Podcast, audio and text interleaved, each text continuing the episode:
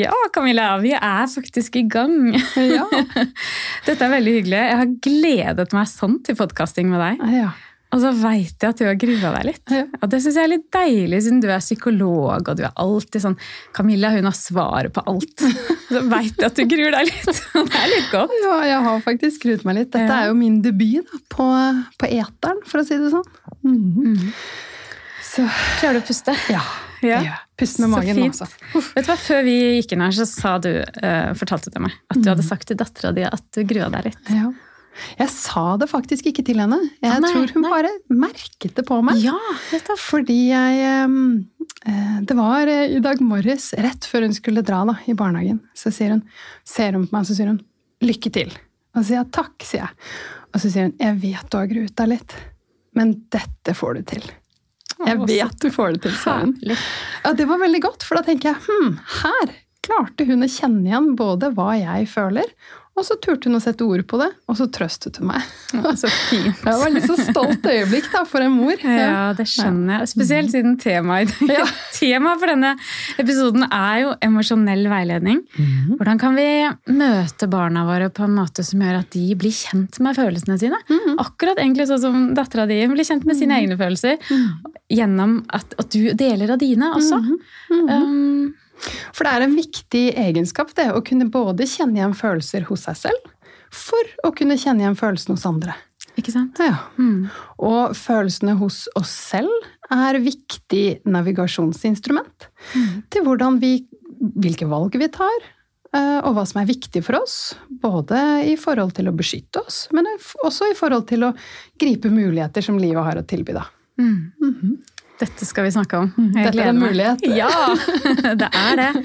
Um, Men Camilla, eh, nå sier jeg bare, jeg har bare sagt Camilla, det er fordi jeg kjenner deg egentlig ganske godt. Eh, Vi er kollegaer. Mhm. Mm, Vi jobber i samme bydel her i Oslo. Du er psykologspesialist. Mhm. Jeg er helsesykepleier. Mhm. Så det hender vi eh, snakker om eh, utfordringer. Ja. Kanskje spesielt som jeg har, da. Ja. I min jobb. altså, I møte med de barna. Ja, hva skal jeg gjøre med dette? Ja.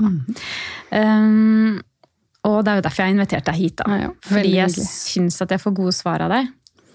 Ja, så sånn Ja. Helt formelt, Camilla Frydendal, Mhm. psykologspesialist. Ja. Jeg vet at du har en, en spesialisering inn mot barn og unge. Mhm. Og så vet jeg at du har en spisskompetanse på akkurat dette her med emosjonell veiledning. Ja, ja, jeg skrev i hvert fall spesialistoppgaven min om emosjonell veiledning. Eller emosjonsveiledning i praksis. Ja, La følelsen vise vei, heter det. Mm. Men vi må få bli litt sånn kjent med deg Mhm. også. Jeg vet at Ja. du har to barn. Mhm. Mhm. Det har jeg. Jeg har Vilde på syv år og Julia på fire år. Ja, to jenter. Mhm, To jenter. Og ellers da, har du noe å dele med oss? Ja, altså Jeg vil jo si at jeg, jeg syns Jeg sa faktisk også til Vilde her for ikke så lenge siden, da skulle hun begynne på en ny fritidsaktivitet, så sa jeg det, at, og så sa hun nei, det tør jeg ikke. Og så sier jeg nei, det er kanskje skummelt å gjøre noe man ikke har gjort før. Men du vet det, Vilde, at når vi gjør ting som er skummelt, eh, ikke sånn altfor skummelt, men sånn passe skummelt, så blir det faktisk veldig god følelse inni oss etterpå, fordi vi fikk det til. Ikke bare kunne vi kjenne på det skumle, men også vi, hvis vi får det til, så gir det en veldig god følelse. Så det å gjøre noe som er skummelt, litt ofte egentlig, det er veldig bra for oss. Så nå Så nå Gjør det? du det. ja, så fint. Ja, for det gir liksom det vi snakker om. Liksom, mestring er Mhm. viktig i livet, og det å liksom kjenne på det. Mhm. Mm. Og så vet jeg at du er veldig opptatt av disse tingene. Og så tenker jeg, hvordan er det å være mamma da, Camilla? Å være psykolog og mamma, blir, blir du veldig opptatt av å måte, gjøre alt riktig? Ja, egentlig gjør jeg det. Ja. Jeg blir veldig opptatt av å gjøre ting riktig. Ja, åssen er det? Ja. Nei, det er jo veldig vanskelig, det. Og jeg gjør jo feil hele tiden. Ja, jeg gjør det. Og det som jeg lærte på denne psykologskolen, da, det som jeg har tatt med meg veldig, det er at det er i feilene vi lærer, eh, men også da gir det en mulighet til å reparere. Og faktisk så er det reparasjonen som er eh, relasjonsbyggende også med barn. Så når vi gjør feil, så får vi mulighet til å gjenopprette og reparere. Og i, den reparasjon, i det reparasjonsarbeidet så ligger det så mye god intimitet og, og nærhet til barnet som de har eh, nytte av. Vi er gode rollemodeller i å gjøre feil. For jeg har jo ikke lyst til at barna skal vokse opp og være livredde for å gjøre feil. Eh, eller opptatt av å prestere på alle fronter. Men det er klart, dette er jo et område, det å, å være mor og det å være barnepsykolog, det er jo sammenfallende på mange måter. Så, så, i teorien så ønsker jeg å gjøre alt rett. Eh, jeg tenker jo at kunnskap om barns utvikling gir meg et fortrinn. Samtidig så vet jeg også at jeg fanget, fanges i følelser og en hektisk hverdag og kaos og eh, søvnmangel som alle andre. Og da forsvinner jo det meste av, av, av, av hvert fall av, evnen til å tenke veldig klokt eh, om det meste. Ja. Og det er litt godt å høre. Ja, mm. det vil jeg det tro. kjenner jeg også. Ja. Jeg har det jo litt sånn på samme måten, jeg òg. Mm -hmm. Jobbet mange år nå med barn og ungdom, psykisk Mhm. helse. -hmm. Vil jo også gjerne gjøre alt riktig. Ja. Eh, Men blir mer og mer kanskje opptatt av at jeg ikke kanskje skal gjøre alt riktig heller. Nettopp på grunn av jeg har også erfart den, der, den der nærheten som Mhm. oppstår. Mhm. Men den oppstår ikke hvis vi ikke tar tak i det som er vanskelig. Og, og det syns jeg jeg møter mye i Mhm. samtaler med både foreldre og barn. Mm. At um, det skjer dumme ting, mm. men så bare lukker man dørene og går hver til sitt. Og Ja. så reparerer vi ikke. Og det er Nei. egentlig i den reparasjonen at den Mhm. nærheten oppstår. Mhm. Og det er der jeg tror både vi og barna også lærer, i den Mhm. nærheten. Ja, og at man kan være litt gjennomsiktig da, eh, og åpen eh, om eh, ja, de feilene man gjør, og hvorfor man gjorde de feilene. Fordi barn har en, et iboende ønske om å gjøre ting rett.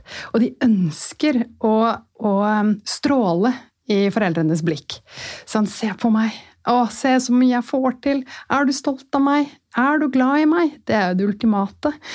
Eh, Så de ønsker å gjøre riktig, men så kommer det noe imellom som gjør at ting blir vanskelig for barnet. Og hvis vi ser på det lille barnet som et barn som forsøker, eh, og som ikke får helt til, og at vi kan hjelpe de å forstå hvorfor det ikke gikk sånn som de hadde tenkt, så forstår de det lettere selv også. Og da blir det ikke så um, grusomt å ha feilet. Da er man mer menneskelig, og det blir en læringsprosess. Og så er det også, tenker jeg Det er ganske lett å se at små barn gjerne vil det. Mm. At de vil gjøre rett. Mm. Men jeg er litt opptatt av at det tror jeg faktisk at tenåringene vil også, Ja. på et vis. Mm. Selv om det kan ta en litt sånn annen form. Og kanskje en form som er litt vanskeligere å forstå Mm. eh, etter hvert. Fordi de må skape den avstanden for å finne seg sjøl. Ja. Og, og da i det så må de ta noen grep som gjør at det kanskje skjærer seg noen ganger. Mhm. Men det er egentlig det de også ber om. Ja. De også ønsker å bli sett. Ja. Og faktisk også Eller kjempeviktig, egentlig. De sier også fortsatt hele tiden 'Er du egentlig glad i meg? Ja. Er du der for meg?' Mhm. Um, ja. Og liker du meg? Mm. Liker du meg? Og, og i hvert fall for tenåringsungdom så tenker jeg også at der har de jo bygget opp en, en, en, et slags repertoar av, av følelser. Noen som er grunnleggende, de primære følelsene. De, eh, og, og, og, så har de også bygget opp et, nærmest et slags forsvar mot eh, de, de, opplevelsene de har, der følelsene har vært veldig vanskelig å håndtere. Hvor de har følt seg overveldet. Og da kan de bygge på lag på lag med det vi kaller sekundære følelser, som egentlig er det de viser. Eh, og hvor det kan blir ganske forstyrrende i kommunikasjonen. Sånn man smiler når man er lei seg, eller eh, gå vekk. Sier at eh, er veldig tydelig på å 'gå vekk', ta avstand fra meg, når de egentlig vil holde rundt meg. Bare vær her sammen med meg. Ja. Mm. Er det ikke det vi driver med i parforhold også? Å jo. Hele tiden, egentlig. Jo, Det er, kanskje, det er veldig likt. Ja. Der også ber vi om å bli sett. Men, men når vi trenger det kanskje på det aller meste, eller det, Mm. det når vi virkelig føler oss liksom alene, så er det veldig det er veldig fort at vi da avviser. At vi Mm. da dytter bort. Ja. Kanskje fordi vi er så innmari sårbare. ja. At det da Ja, da blir det enda vanskeligere å ta det imot på et vis Ja. også. Og så har man jo kanskje noen opplevelser da, fra egen barndom som kan eh, komme inn og Mm. bestemme litt for oss eh, hvordan vi skal håndtere ulike situasjoner. Um, var det greit at jeg var sint når jeg var liten, eller lærte jeg at det, det, er, det er det ikke plass til hos oss? Og det, det må du gå på rommet ditt med og, og komme ut når du har fått tenkt deg om. Og hvis man har fått høre det gjentatte ganger, så er det jo ikke så rart at man gjør det med partneren sin også. Samtidig som man da ikke er så tilgjengelig for den nærheten og den kommunikasjonen. Ja, akkurat det. Og det er derfor emosjonell veiledning mm. er så viktig. Mm. Fordi det har så mye å si for livet vårt. Ja. Det har mye å si for hvordan vi opplever barndommen vår, ungdomstiden mm. vårt, og også voksenlivet vårt, rett og slett. Um, ja. Så ja. emosjonell veiledning har jeg sagt, liksom, det er tema for, ja. for dagens episode. Ja. Nå har vi kommet dit. hva er emosjonell veiledning? Hva, legger, hva betyr det egentlig? Altså, å veilede betyr jo på en måte å, eh, å, å vise. Det ligger jo litt implisitt der at det er en som kan litt, og en som ikke kan så mye ennå. Um, og det lille barnet da, som kommer til verden, er jo født med alle mulige slags følelser, men ingen regulering særlig. Ikke så veldig mye, i hvert fall. Så det krever eh, mye av foreldrene å få hjelp til å regulere de grunnleggende følelsene. Det trenger trøst, det trenger å roes ned, det trenger eh, ja, at, at, de grunnleggende behovene blir sett. Og gjennom hele livet så driver vi egentlig med det. En slags samregulering med, mellom forelder og barn. Og den, den reguleringen da, av de følelsene, det er eh, en måte å eh, Altså, selve reguleringen er jo det vi ønsker. Uh, mens uh, veiledningsprosessen, altså forelderen som en veileder i den emosjonsveiledningen, det er at barnet får økt kjennskap, eller forstår mer av sine egne og andres følelser. Sånn at barnet kan kjenne igjen og sette navn på og sortere. Og så velge handlinger mer etter å ha roet ned følelsene. Velge en handlingstendens da, som kommer etter det, og problemløse. Mm. Mm. Så for forelderens del så blir det å være kjent med egne følelser en, en, viktig del av det. Så det går på en måte litt i, i arv, da. Altså forelderen må kunne kjenne igjen og, og, og, sette ord på egne følelser for at barna skal kunne For at de skal kunne vise barna og veilede barna i å sette ord på sine følelser. Mm. Egentlig så tenker jeg sånn i praksis Eh, så kan det være litt det du sa i stad. Mm -hmm. For du, du, datteren din forsto at du gruet deg. Mm -hmm. eh, sant? Hun så det. Ja. Og så satte hun ord på det. Mm. Og da, da, dermed så, så, blir det lettere for henne å, å gjenkjenne den følelsen ja. i seg selv. Ja. Og også da tenker jeg kanskje si til seg selv det kommer til å gå bra. Ja, nettopp. Er det ikke, er det jo, ikke der? Jo, mm. og hvis jeg hadde opplevd det å være nervøs som kanskje skamfullt at det er ikke en, en aktet uh, følelse å ha. Man skal være modig, man skal være sterk, og man skal ta ting litt på spark og være presterende. Så kunne jeg kanskje, um, og ikke nødvendigvis alltid, men i den situasjonen så kunne jeg kanskje ha valgt å si nei da, dette går fint, mamma klarer dette. Så hadde jeg jo egentlig signalisert til henne at det du ser, er feil. Du tok feil. Uh, og da har jeg egentlig misledet henne litt. Ikke sant? Da har jeg, da har jeg fortalt henne at, at din evne til å gjenkjenne følelser hos andre feilet denne gangen. Selv om det ikke var det jeg mente å gjøre. Jeg mente jo egentlig bare å kanskje Jeg orker ikke å gå inn i det nå, eller Vi har ikke tid til å snakke om meg, eller uff, nei, da blir jeg bare mer nervøs. Det kan være mange grunner til at vi unngår å ville ta tak i følelsene. Ja, For det handler igjen om hvordan vi ble møtt. Nettopp. Mm. Mm. Så det er derfor dette her arver. Ja. ja, så det å bli litt bevisst på det, og lære noe om det, og prøve å jobbe litt med det, det har så mm-hmm. utrolig ringvirkninger, da, ja. tenker jeg. Mm -hmm. I generasjoner nedover, egentlig. Mm -hmm. men, men, jeg tenker det vi foreldre fort gjør, er at vi tenker at nei, jeg skal, jeg skal skåne barna mine. For å, og jeg tror at vi på mange måter vil beskytte oss selv også, ved å ikke mhm. vise -hmm. at det er noe vi ikke presterer. Ikke vi vil gjerne være de voksne, vi vil få til. Ja. Vi vil vise at du er trygg, for ja. jeg fikser alt. Ja. Men egentlig så mhm. er det jo det de trenger, at vi åpner opp om det. For de kjenner jo på disse følelsene. Ja. Det er, jo, det er, jo, det som skjer. Ja. ja. For vi vil jo at de skal navigere både etter seg selv og sine egne følelser, men også uh, ut ifra andre. Og hva andre føler. Og så vet vi også at det skjer jo noe i et møte mellom to mennesker. Uh, vi er jo påvirket, Alle mennesker er jo påvirket av hva andre føler. Det påvirker våre følelser, og våre følelser igjen påvirker den andres følelser.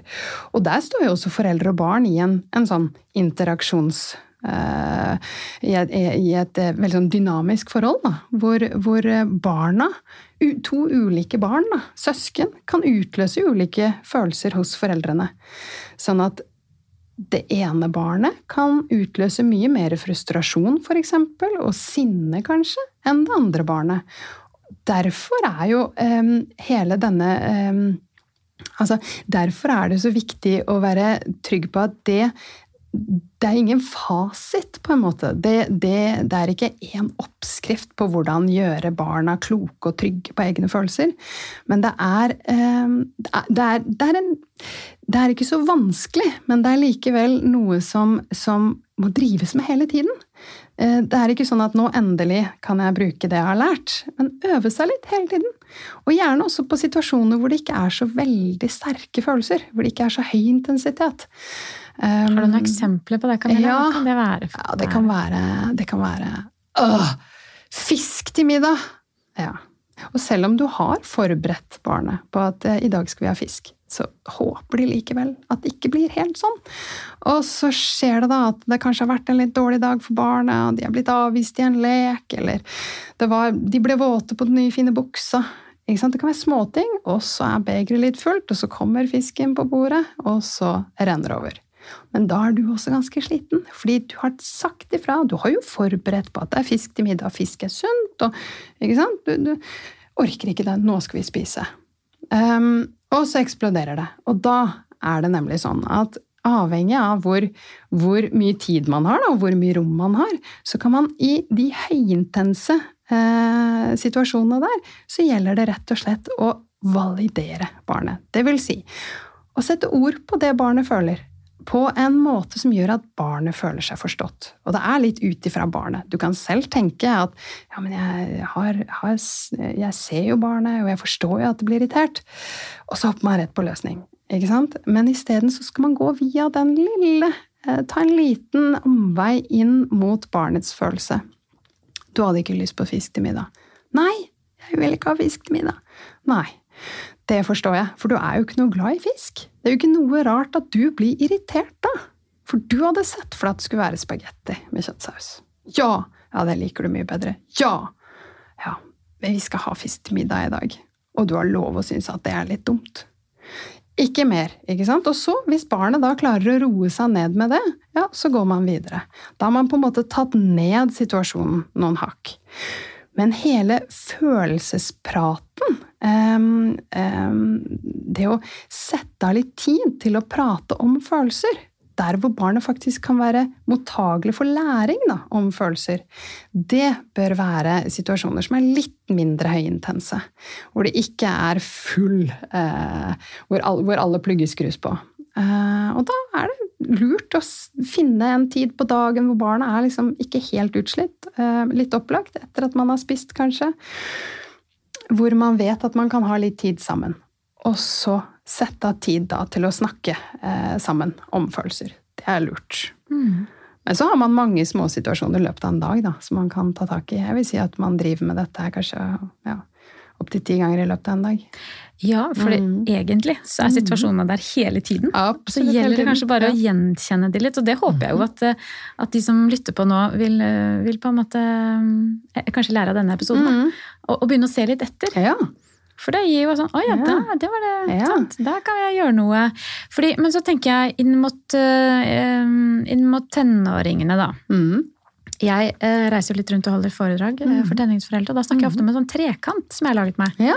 Litt sånn, eh, Som jeg kaller for grensesettingstrekanten, egentlig. Mm. Fordi, um, og at det er tre steg man liksom mm. skal ta i den samtalen der. Da, mm. da kan det være fisk til middag, eller det kan være jeg har lyst til å gå på den festen. Ja. Um, og da tenker jeg det aller viktigste vi gjør, er i hvert fall å lytte ut mm, og høre. Ja. Uh, hva er du egentlig vil? Mm. Fordi jeg kan jo egentlig gjenkjenne det etter mm. to ord. Mm. Så skjønner jeg hva, hva, det er han eller hun vil. Mm. Og det kan være fristende å bare hoppe rett på. Det får du ikke lov til. Ferdig med det. Ja. Ikke sant? Uh, og så skjærer det seg. Det gjør jo det, da. Um, men hvis jeg faktisk lytter ut og bare prøver å trekke pusten Og når jeg har lyttet så skal jeg, og det er egentlig akkurat det du mm. egentlig sa nå, anerkjenne det. Mm. Liksom si 'Jeg skjønner at du vil på den festen.' Mm. Eller 'Jeg vet at du ikke liker fisk'. Ja. Eh, og så si hva det hva konklusjonen er. Og at, at, eh, det blir ikke det. Du, du, får faktisk ikke lov til det. Um, og grunnen til at jeg har laget det som en trekant, er at da kommer det en reaksjon igjen. Mm -hmm. Da er vi tilbake igjen. Ja. Oppi det venstre hjørnet. Ja. Sant? Ja, og den reaksjonen, den må vi også orke å lytte til. Selv om den kan være litt provoserende. Og så må vi anerkjenne mm -hmm. den reaksjonen. Mm -hmm. Så at nå ser jeg at du blir sinna. Ja, mhm. det skjønner jeg. Mhm. For jeg vet at du hadde veldig lyst til det. Men det mhm. blir faktisk sånn. Så kommer det en ny reaksjon. Og så kan vi egentlig holde på litt sånn. Ja. Men, men, da skjer det noe, har vært ja. min erfaring vært. Det gjør det, ja. At da går temperaturen litt ned. Mm -hmm. og jeg har også oppdaget, selv som mamma, mm at jeg da Å ja, det var egentlig det som var viktig for deg. Mm. Sant? Jeg trodde det var noe annet. For da får jeg jo innblikk i hvorfor er det viktig å gå på den festen. Mm. Og det hadde jeg ikke fått hvis jeg bare hadde hoppa rett på. Så da plutselig så lærte jeg noe om barnet mitt. Mm -hmm. Jeg lærte noe om hva som var viktig for han eller henne. Ja. Og så Og så lærte barnet ja. at det var helt ok å ha de følelsene. Og ja. barnet lærte at jøss, mine følelser var viktige for mamma. Mm. Ja, da, er det, da, er det, kanskje ikke så rart at jeg ble så opprørt. Mamma forstår, og jeg kan kjenne på. Og så i det øyeblikket man har satt ord på det, så kan det roe seg mer ned. ikke sant? Den affektive, eller den emosjonen, mm. roer seg ned. Og vi klarer å tenke mer. ikke sant? Og finne nye ut, uh, ut, Eller finne nye løsninger da, på, på situasjonen. Mm. Og min erfaring er at dette her funker faktisk. Ja. For det som er så bra med det, ja. gjør at det blir det blir mindre diskusjoner, ja. egentlig, etter hvert, mm. når man har gjort dette litt. Mm -hmm. Fordi det oppstår en slags respekt i relasjonen. Mm -hmm. En måte å gjøre det på -hmm. som gjør at det blir bedre samtaler. Mhm. Så det blir mindre maktkamp, på en ja. måte. Det er ja. ikke om å gjøre å ha rett, men det er Sant. om å gjøre å forstå. Og du forstår henne, og hun føler at du forstår henne. Da mm. har du oppnådd noe. Jeg mm. føler meg sett, hørt og forstått. Og ofte kan det bare være det som skal til. Og så tåler de aller fleste å bli satt grenser for, og mange vil ha de grensene. Og egentlig så kan det hende at hun egentlig ville at du skulle si nei til den festen, mm. for det kan jo hende at det var et eller annet der. Ikke sant? For det vil man kanskje også oppdage, ja. ikke sant? Mm -hmm. Ja, det er liksom én ting. Og så er det noe annet eller som, som, jeg har kjent på, da, er at jeg noen nå har Jeg har fire barn. Mm. Eh, så kan jeg kanskje kjenne meg mer igjen ja. i reaksjonsmønstre og sånn. Mm. Og også i følelsene hos mm. noen av dem, men litt mindre i de andre. Kanskje ja. de ligner mer på pappaen sin, eller ja. i måten de reagerer på. Og det også mm. har litt med den derre hvor lett det er for meg da, å mm. gå inn og være den derre emosjonelle veilederen ja. som, ja. som, vi snakker om. Mm. Og det handler jo mye om hvor, hvor, kjent vi er med forskjellige følelser. Noen følelser er litt mer fremmede enn andre. Noen følelser er skumlere enn andre. Sånn at de barna som kanskje ligner mer på oss selv i følelsesregisteret eller væremåte, blir på den måten tryggere. Dette er mer kjent, dette er tryggere. Og det er jo noe med det å være trygg når man skal være en forelder, på at vet du hva, jeg gjør ikke dette for å løse noe for barnet mitt. Min oppgave er ikke å fjerne noen følelser. Min oppgave er ikke å løse egentlig det barnet står i, den emosjonelle konflikten eller det problemet barnet står i, men det er hvis man har med seg at 'jeg skal bare prøve å forstå', så blir liksom oppgaven så mye enklere, på en måte.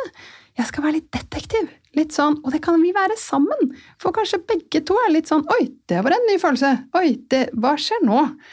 Og så kan man være litt detektiv sammen og prøve å finne litt mer ut av det. Og i det møtet der så skjer det eh, mye fint. Mm. Mm.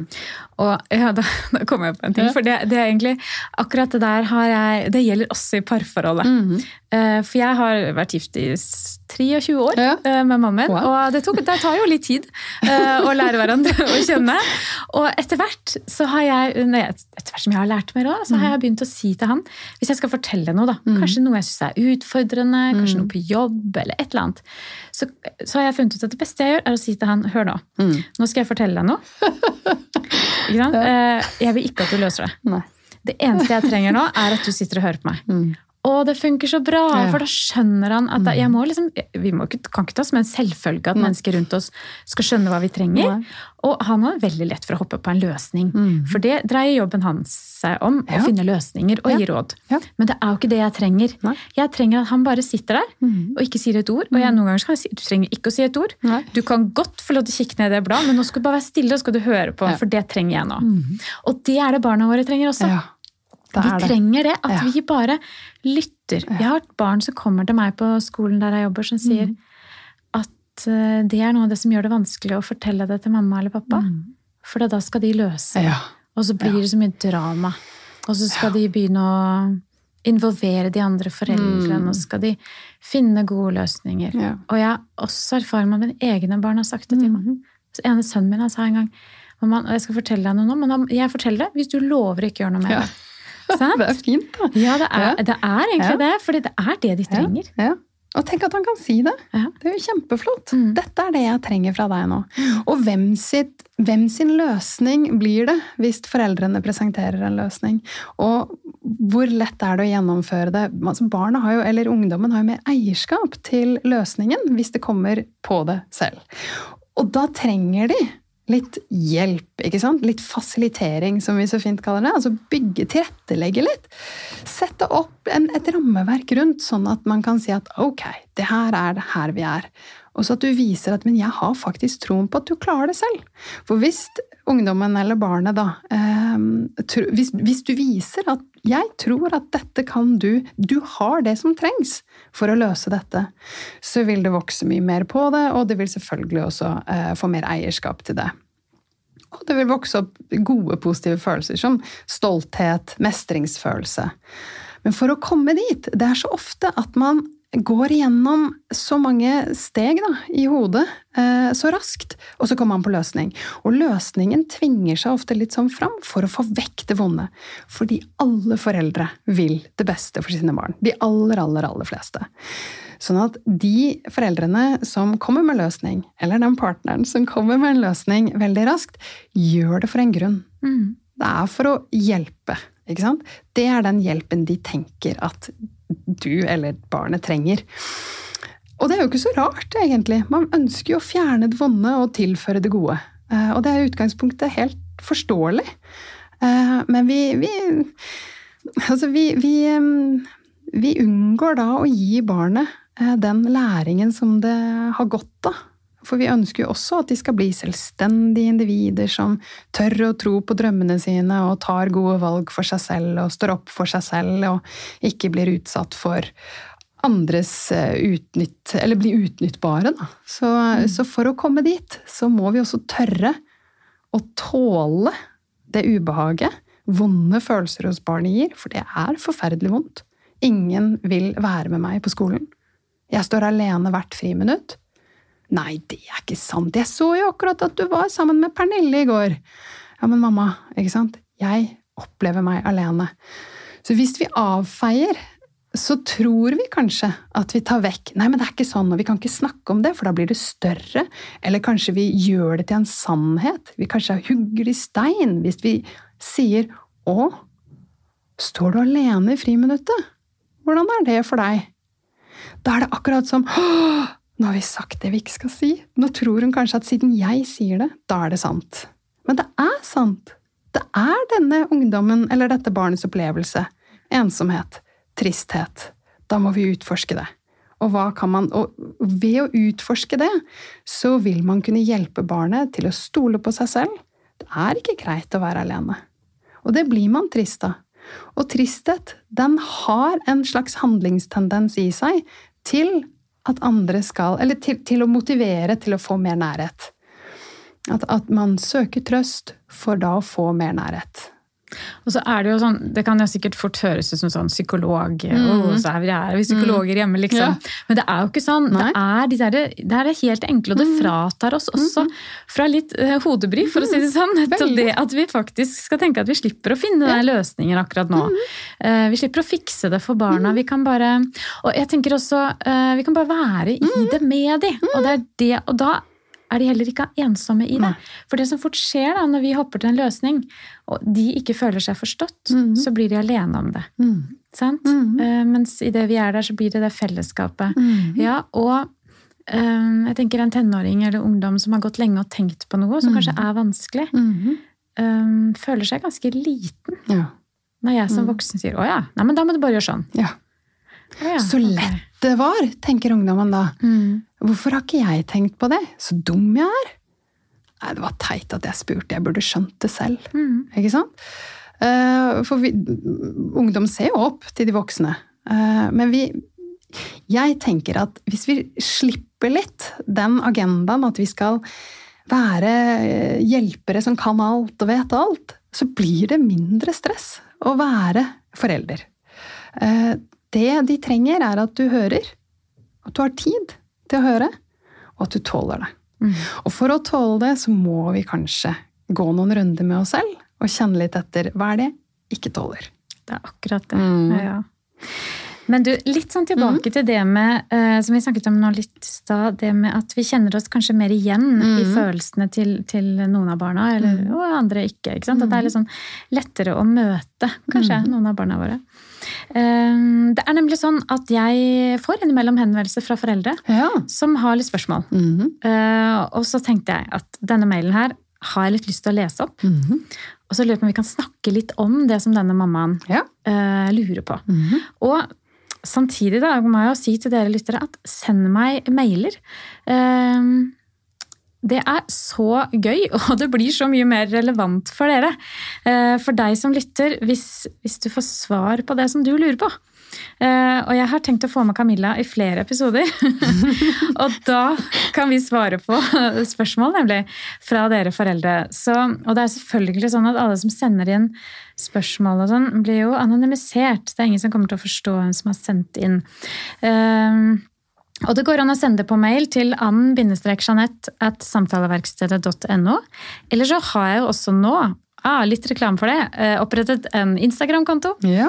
og en Facebook-konto som heter eh, Ungdomsforeldrepodden. Så gå inn der, eh, følg kontoene. Der kommer det både info om de ulike episodene og litt annet som drypper litt sånn i ny og ne. Det går an å sende meldinger der også. Ok, nå skal jeg lese den her. Ja. Det blir ikke sånn helt ordrett, men, uh, men, her er det en mamma mm. som uh, skriver Jeg har en datter i syvende trinn på barneskolen som jeg syns det er så vanskelig å forstå, rett og slett. Uh, selv er jeg ganske sånn rasjonell, har alltid vært det, og var også det liksom når jeg var i tenårene, sånn som jeg mener å huske det. da. Selv om jeg gruet meg til ting, så klarte jeg å ta meg sammen. Eh, jeg var jo også usikker og kunne føle meg utenfor i venninnegjengen, grue meg til prøver, være irritert på foreldrene mine osv. Men jeg hadde ikke sånne følelsesutbrudd som min datter har. Hun er så følsom. Alt blir så vanskelig. Er den minste motstand, så gråter hun og lager drama. Det har til og med noen ganger blitt til at hun dropper bursdager, f.eks., for, eksempel, for hun er redd for at det eller det skal skje. Eh, eller hun styrer med klær, og det blir gråt og styr så mye at hun til slutt ender opp med å bare bli hjemme. Det hender også litt ofte at det blir jentedrama i venninnegjengen, og da kan hun snakke om det i timevis og henge seg opp i detaljer. Mm. Jeg blir redd for hvordan dette skal gå fremover. Kommer det til å bli verre i tenårene? Da vet jeg ikke hva jeg gjør. Jeg har litt lett for å miste tålmodigheten, dessverre. Hvorfor kan hun ikke bare ta seg sammen? Mm. Hvordan skal jeg møte henne? Hvordan få henne til å være litt mer rasjonell og ikke ødelegge for seg selv, sånn som jeg opplever at hun gjør nå? Mm. Hilsen en litt frustrert mor som vi her velger å kalle Tina. Mm. Ja. ja. ja. Camilla. Hva sier ja. du? Mm. Nei, For det første så må jeg si at det høres jo veldig strevsomt ut for de ja. begge. Mm. -hmm. Her høres det ut som eh, de ikke helt er det vi kaller for intont på hverandre. Hverandres utfordringer. Um, hun skriver jo at uh, hun syns det er vanskelig å forstå. Ja. Og det er det jo av og til. Veldig vanskelig å forstå. Og det er jo ikke sikkert at eh, datteren heller forstår. Så her må man kanskje sette av litt tid til å prøve å forstå hverandre. Um, hun, hun, sier jo at hun, hun, strever med å forstå datterens følelser, ja, og at um, hun egentlig ikke forstår altså Én ting er at hun ikke forstår følelsene, men hun forstår ikke hvorfor ikke datterne regulerer mer, hører mm. jeg. Hvorfor hun ikke tar seg sammen, var vel ja, ordene hun brukte. Ja. Mm. For å ta seg sammen, og det blir så mye. Sant? Hun, hun, hun syntes det ble mye, og det ble så kaos og drama. Dette er jo ord som, som er litt sånn illustrerende på at det blir for mye. Mm. Ikke sant? Og så beskriver hun seg selv som veldig rasjonell, og at hun kunne ta seg sammen.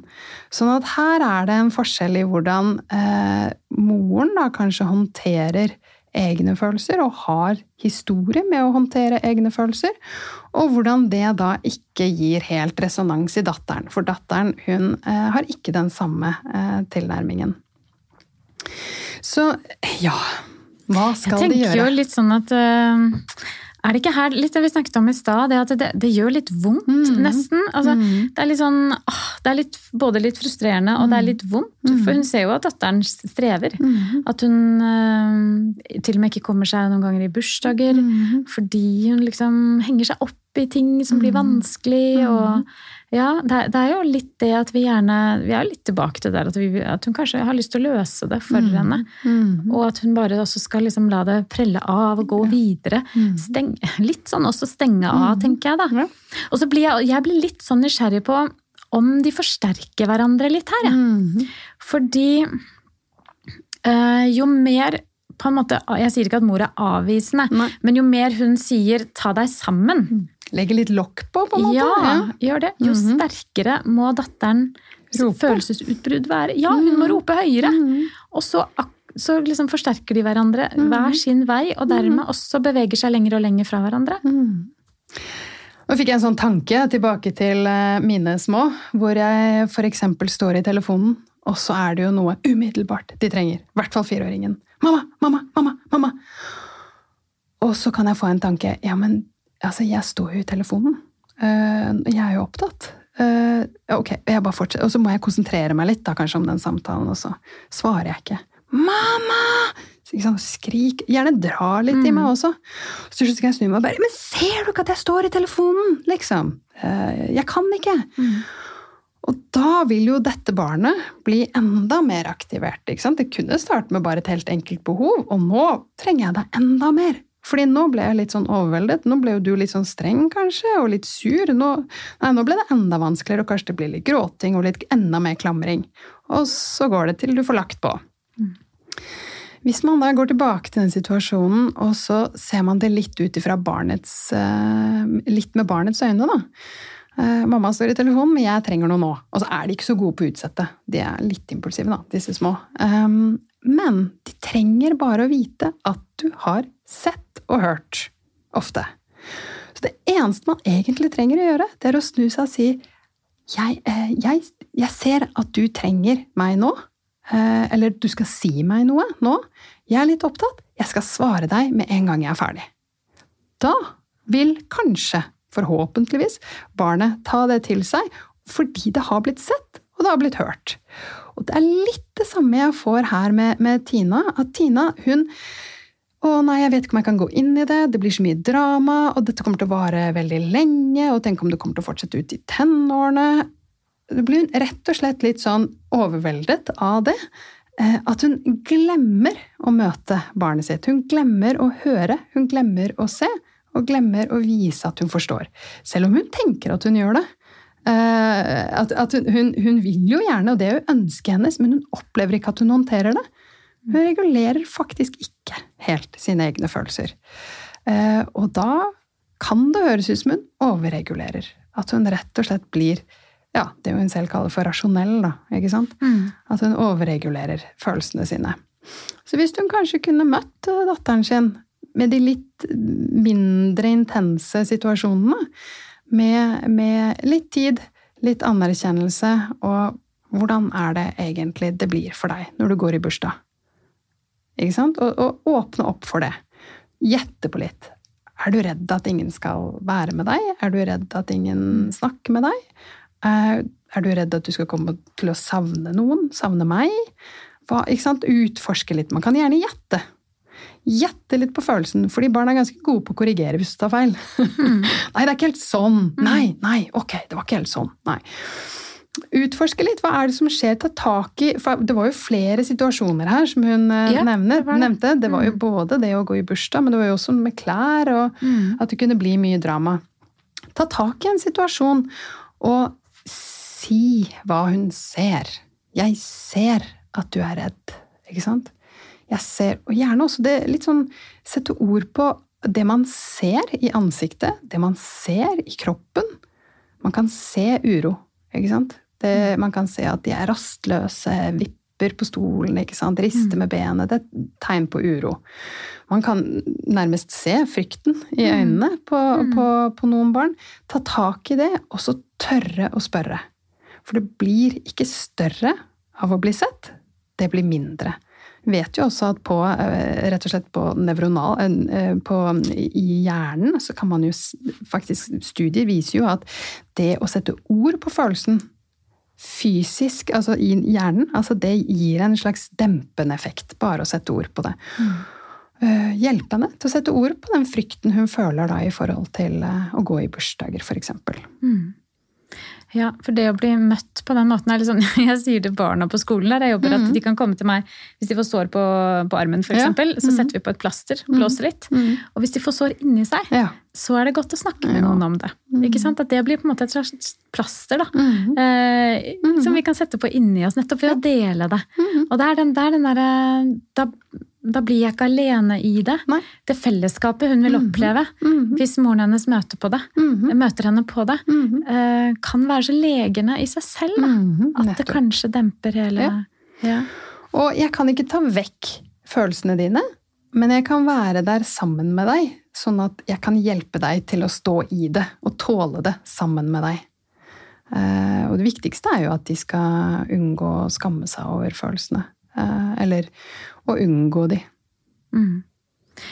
Fordi, å, Nå fikk jeg en sånn setning inn i, inn i hodet. Mm. Sånn at, eh, jeg vet at jeg har skrevet en gang målet er liksom at vi våger å leve helhjertede liv på glattisen. Mm, ja, det var Sant? fint. Ja. Fordi at vi um, Det er ikke et mål, tenker jeg, da. At vi skal nødvendigvis håndtere alt hele Nei. tiden. Nei. At vi skal være rasjonelle. Da. Mm. Det er når vi blir fortrolig mm. med de følelsene, og jeg faktisk våger å være litt sånn ærlig på egne følelser, ja. at jeg har det bra med meg selv. Mm. Det har vært min erfaring. Ja. Eh, og at jeg gjennom livet har lært meg sakte, men sikkert å mer og mer kjenne etter i kroppen. Eh, for etter hvert som man har øvd litt på dette, så er det akkurat som man kan kjenne det i kroppen. Ja.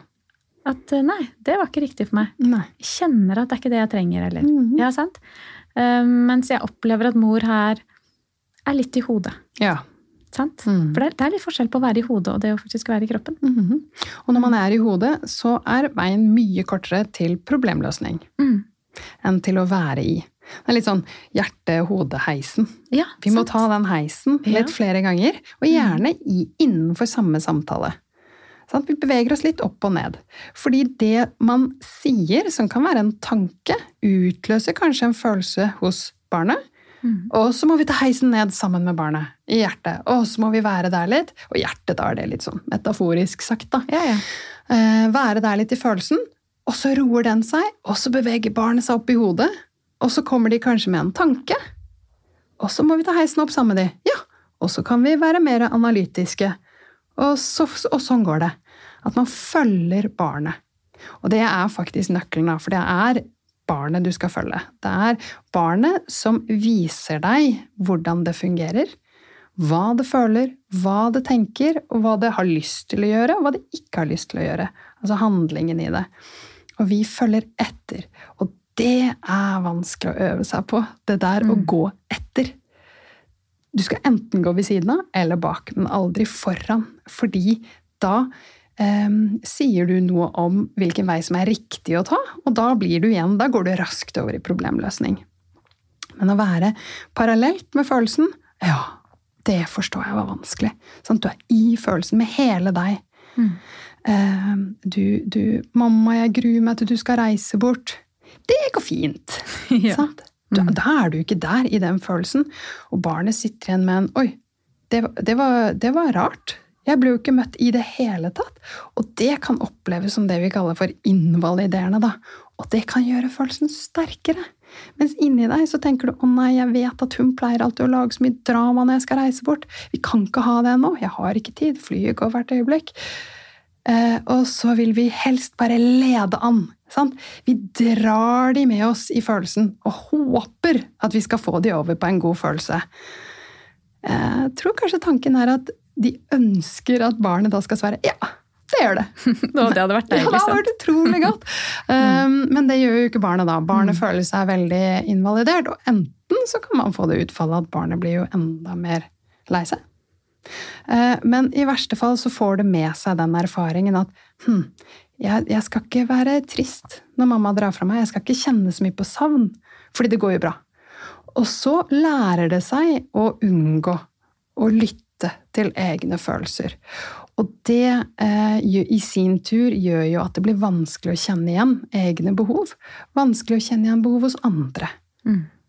Som er veldig viktig for eh, ja, sosial kompetanse øh, og, og, rett og slett øh, ja, håndtere utfordringene i livet. Da. Mm. Ja, fordi det som fort skjer hos barnet, mm. Er at du slutter å, si, mm. slutter å fortelle, du slutter mm. å dele. Mm. Eh, og da blir ikke den nærheten den, den, kan faktisk bli borte ja. eh, ved at barnet ikke blir møtt. Mm. Og det her er ikke sånn der, Jeg får så behov for å si det. Det er mm. ikke sånn psykologprat, og så er vi mm. bare noen veldig merkelige mennesker som trenger å ha kontakt med følelsene våre. Alle mennesker ja. trenger det! Ja. Faktisk. Eh, det er ingen mennesker, tør jeg påstå, som bare kan leve liksom, nå, nå, viser jeg litt med armene her til Camilla. Liksom, bare herfra opp? Fra nakken og opp. Eh, det funker ikke, det. Nei, det gjør ikke. Eh, altså, det, det kan godt, eh, man kan godt holde på med det, mm. men jeg tror ikke det er et godt liv. Nei, altså til slutt så vil man ha problemer rett og slett med å kjenne mm. igjen. Ikke sant? Og det er det jeg blir så opptatt av. Og mange flere enn meg, altså. Men, men man, man, glemmer litt å kjenne etter, og så vet man ikke helt. Og da blir man litt eh, kanskje beslutningsvegring kan man jo se.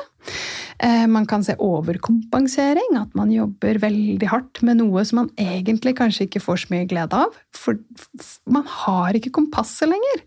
Vet ikke hva man vil, eller hva man Å ville noe fordrer jo at det er noen følelser som gir gassen. Mm. Gassen i livet. Hjelper ikke å bare ha ratt. Du må ha en gass også. Mm. Helst en brems òg, da. Ja, det er sant. så jeg tenker jo liksom at emosjonell, god veiledning, mm. å bli møtt på, mm. Eh, på, følelsene dine fra du ja. er barn, mm. og gjennom ungdomsårene, og mm. også det, det, gjør at vi eh, lettere eh, knytter vennskap, mm. Bevarer vennskap. Ja. Vi får det bedre i parforholdet vårt. Ja. Eh, vi tåler og håndterer i større grad stress i livet, mm. tenker jeg. Mm. Og det er alt fra stress på jobben mm. til uh, indre stress. eh, sorg. Altså, jeg, jeg, Vi tør å si nei! Ja, og jeg tror den fysiske helsen også Jeg tror ikke bare jeg vet. Uh, at den fysiske helsen faktisk blir bedre. Ja. Så det har mange effekter ja. å øve på dette. Ja, absolutt. Absolutt. Ja. Og, og, forskning viser jo også at det er forebyggende. Mm. og det, man har jo sett studier korrelert med både angstproblematikk og atferdsvansker. At uh, foreldre som uh, har lavere grad av emosjonsveiledning, har også større sannsynlighet for at barna utvikler angstproblematikk eller atferdsvansker. Mm. Sånn at uh, det er forebyggende å hjelpe barnet til å kjenne igjen, verdsette og akseptere egne følelser. Mm. Så mm. begynn å, begynn å øve litt ja. I, det, i, det, små, mm. ikke sant? Og så mm-hmm. må man også der også, tenker jeg, huske på for seg selv å gå skritt for skritt. Ja. Sakte. Eh, et skritt av gangen. Og ikke forvente for mye av seg selv heller. ikke sant? Nei. Du, Camilla, hvordan ja. Eh, føles det da? Eh, hadde datteren din rett? Gikk det bra? Ja, vet du Jeg syns, eh, jeg syns det var veldig hyggelig å være her. Ja. Jeg syns det. Ja. ja. Jeg syns det var fint. Mm. Eh, jeg, jeg, hvis jeg kan få lov, da, så har jeg mm. litt lyst til å være litt sånn teknisk, bare helt sånn på slutten. Ja, det er greit. Kan jeg få lov til det? Ja, du kan det. Fordi hvis jeg hadde vært lytter nå, så hadde jeg tenkt sånn åh, kan, ikke, kan de ikke bare oppsummere litt? Hva var det egentlig det var å være emosjonsveileder? Og så litt sånn kort og greit. For det er en prosess, nemlig, som man kan gjøre med barnet sitt. Eh, sånn trinnvis, ikke sant? Og jeg, bare i fare for at jeg overkompliserer dette, Dette er ikke veldig hokus pokus, men ofte kan det være greit å ha noen sånne huskeregler. Mm. Uh, og dette er jo et stort tema, og vi kunne jo egentlig kanskje snakket veldig mye om dette. Uh, men foreldre trenger ofte, og alle trenger ofte, noen sånne gode setninger å ha med seg, eller sånn tips og triks man kan trekke opp. Uh, og jeg hadde bare lyst til å oppsummere prosessen lite grann. Nummer én si hva du ser. Det er det letteste, for da er du faktisk bare beskrivende, og du legger ingenting av ditt eget eller noe tolkninger i det som skjer. Du, finner, du, kommer hjem, du finner tenåringsdatteren din på, på, på, rommet sitt. Hun henger over pulten, og så hører du at hun gråter. Si hva du ser. Ikke sant? Jeg ser at du gråter. Så enkelt. Jeg, du ser lei deg ut.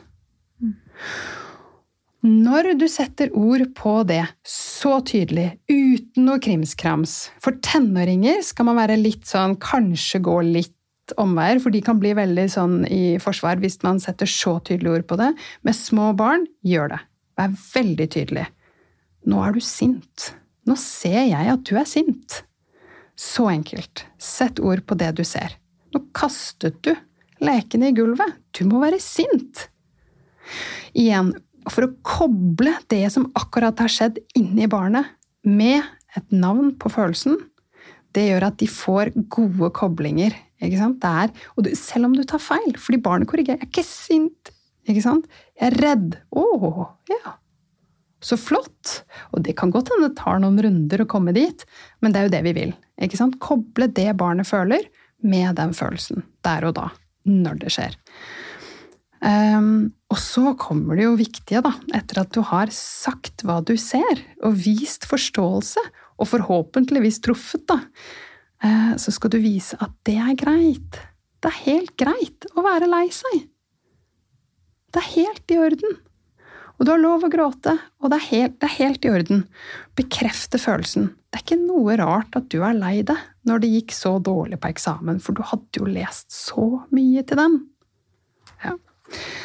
Og så er det da å møte behovet ikke sant, til følelsen. Og det behovet, det er det barnet selv som har oppskriften på, og det skal ikke vi løse.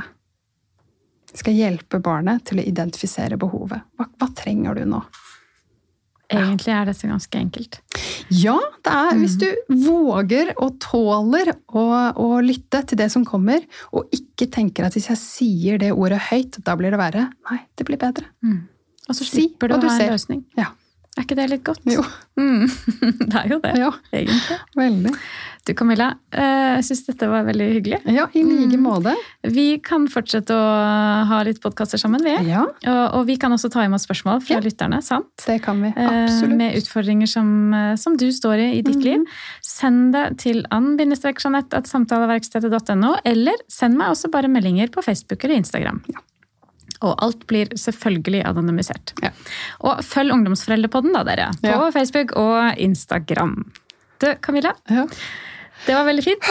Nå kan du puste ut, gå ut i solen. For en mestringsfølelse! Takk for nå.